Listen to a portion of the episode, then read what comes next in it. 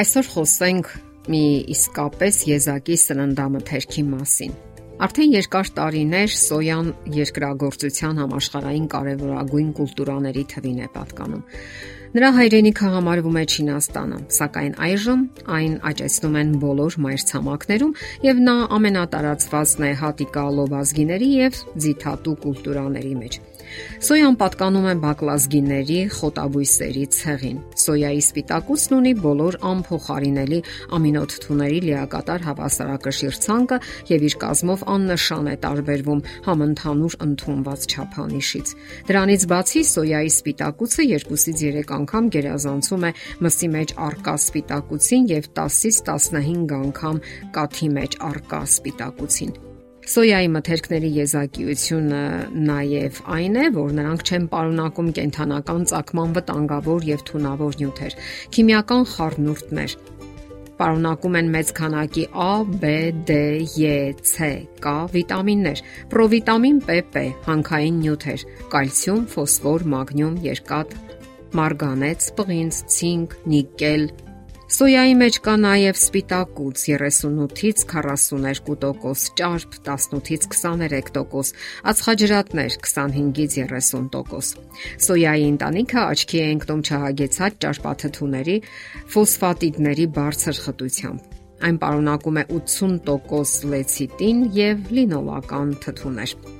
Այս հետաքրքիր սննդամթերքը լավ է նաև նրանով, որ իր համար առանձնահատուկ ֆիտոքիմիական միացությունների հավաքածու է, որ կա միայն բուսական մթերքներում, ունի հատուկ հակաօքսիդային հատկություններ եւ օգնում է օրգանիզմին հեռացնելու ծանր մետաղները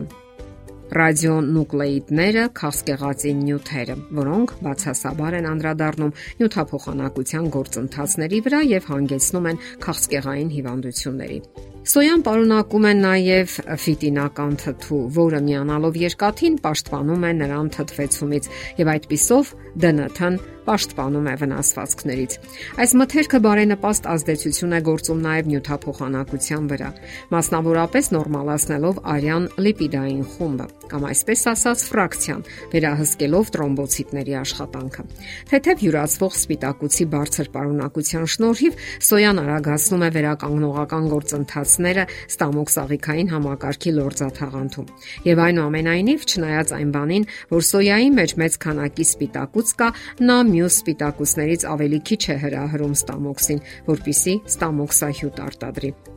Այդ հատկությունն է պատճառը, որ այն թույլատրվում է այնպիսի հիվանդությունների դեպքում, ինչպիսիք են բարձր թթվայնությամբ ընթացող գաստրիտները, 12 մատնյա աղիքի եւ ստամոքսի խոցային հիվանդությունները, քրոնիկական գաստրիտները։ Խորհուրդ է տրվում նաև այն մարդկանց, ովքեր չեն կարողանում մարսել կովի կաթը։ Ճապոնիայում օրինակ բժիշկները խիստ որոշակի օգտագործում են այդ սննդամթերքը հիվանդությունների դեպքում։ Մասնավորապես նշանակում են այն շաքարային դիաբետի ժամանակ որպես հիմնական, իսկ երբեմն նաև որպես միակ բուժում։ Նշանակում են նաև սրտի անոթների գործունեության խախտումների ժամանակ, արյան միկրոշրջանառության խախտումների դեպքում։ Սոյայից պատրաստված մթերքները հրաշալի միջոց են տարբեր ալերգիկ հիվանդությունների բուժման համար։ Սոյայի սպիտակուցները բարելավում են արյան կազմը, նվազեցնում սրտամկանի ինֆարկտի նոպայի ռիսկը, աթերոսկլերոզի, արյան բարձր ճնշման վտանգը, խթանում ինսուլինի արտադրությունը։ Հատկանշական է, որ այս բույսից պատրաստում են դեղամիջոցներ, որոնք կարգավորում են ուղեղի, նյարդային համակարգի գործունեությունը։ Սոյան պարունակում է մեկ այլ միացություն, որը կոչվում է ֆիտոէքստրագեն էքստրագեններ։ Այս բուսական էքստրագենները երբեմն գործում են մարդկային էքստրագենների նման, իսկ սրանց անբավարարությունը մարդկային օրգանիզմում հաճախ հանգեցնում է այնպիսի հետևանքների, ինչպիսիք են սիրտանոթային հիվանդությունները եւ օստեոպորոզը։ Իսկ նրա մեջ պարունակվող բուսական էստրոգենը խորհուրդ է տրվում հատկապես կանանց, որովհետեւ սոյայից պատրաստված ճաշատեսակների օգտագործումը թեթևացնում է դաշտանադաթարի ախտանշանները, ընդ որում առանց կողմնակի ազդեցության։ Սոյա օգտագործող կանանց շրջանում անցկացված հետազոտությունները ցույց են տվել, որ հետազոտվող խմբի մոտ ցածր է կրծքի քաղցկեղի հավանականությունը։ Հատկապես կանանց մոտ սոյան նպաստում է խոլեստերինի նվազեցմանը եւ ոսկրային զանգվածի պնդեցմանը։ Սակայն հարկ ենք համարում նաև որոշակի զգուշացումներ անել։ Լոբազգիների կուլտուրաների սպիտակուցների ավելորդ քանակը կարող է նույնպիսի բացասական ազդեցություն ունենալ օրգանիզմի վրա, ինչպես կենթանական սպիտակուցների օգտագործումը։ Այդ պատճառով էլ լոբազգիների սպիտակուցներ օգտագործելիս հարկավոր է հիշել, որ հասուն մարդուն օրական անհրաժեշտ է սննդի միջոցով ստանալ 0.8 գրամ սպիտակուց 1 կիլոգրամ քաշի հաշվով։ Դա մոտավորապես 45-ից 55 գրամ սպիտակուց է կամ օրական 100-ից 150 գրամ որևէ լոբազգի։ Ընդ որում կարևոր է պահպանել նաև բազմազանության սկզբունքը։ Դա հասկանում ենք այսպես. Շաբաթվա մեջ 1 օր ձեր ճաշասեղանին պետք է ոլոր լինի, երկրորդ օրը լոբի, երրորդ օրը սոյա եւ այսպես շարունակ։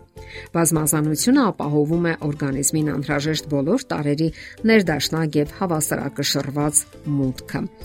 Սոյան երբեմն անվանում են նաեւ բանջարեղենային քամելեոն, որովհետեւ նրանից տարբեր սննդատեսակներ են պատրաստում։ Սոյայի կաթ, սոյայի սոուս, տոֆու, այսինքն սոյայից պատրաստված շոր կամ պանիր։ Սոյայից ստացված համեմունք, սոյայի արիշտա, սոյայի յուղ, սոյայի ալյուր։